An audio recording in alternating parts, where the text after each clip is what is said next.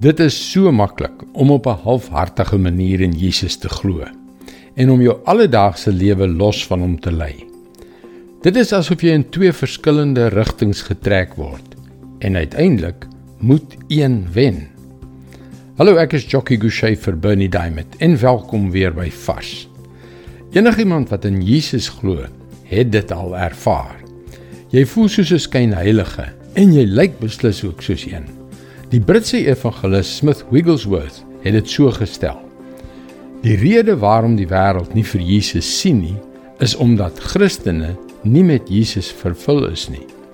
Hulle is tevrede om weeklikse vergaderings by te woon, die Bybel af en toe te lees en soms te bid. Dit is vir my 'n vreeslike ding om mense te sien wat bely dat hulle Christene is, terwyl hulle lewens nie slegs kragteloos en magteloos is nie, maar so ooreenstem met ongelowiges se lewens dat dit moeilik is om te sê of hulle in die vlees of in die gees leef. Ek wonder hoe gereedelik jy jouself daarmee kan vereensgewig en of daar selfs net 'n bietjie skort in jou oorgawe aan Jesus. Indien wel, dan is nou die tyd om iets daaromtrent te doen. Vandag is die dag om jou saak met Jesus reg te maak want die antwoord lê in hom. Hy het dit so gestel. Johannes 15 vers 4 en 5.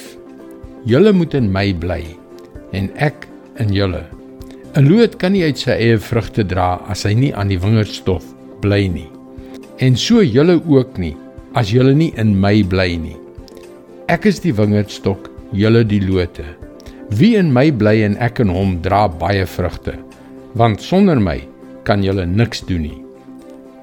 Bly is 'n sterk woord. Wanneer ons Jesus toelaat om ons denke en gedrag te bepaal, is ons soos daardie wingerdstok wat baie vrugte dra. Dit is God se woord vars vir jou vandag. Om in Jesus te bly is absoluut lewensveranderend. Maar laat my toe om jou 'n guns te vra. Ek sal graag wil hoor watter soort onderwerpe jy wil hê ek moet dek in komende episode van Vars. Jy kan gerus laat weet. Gaan na teachingtopics.org. Skakel weer môre op dieselfde tyd op jou gunstelingstasie in vir nog 'n boodskap van Bernie Diamond. Mooi loop. Tot môre.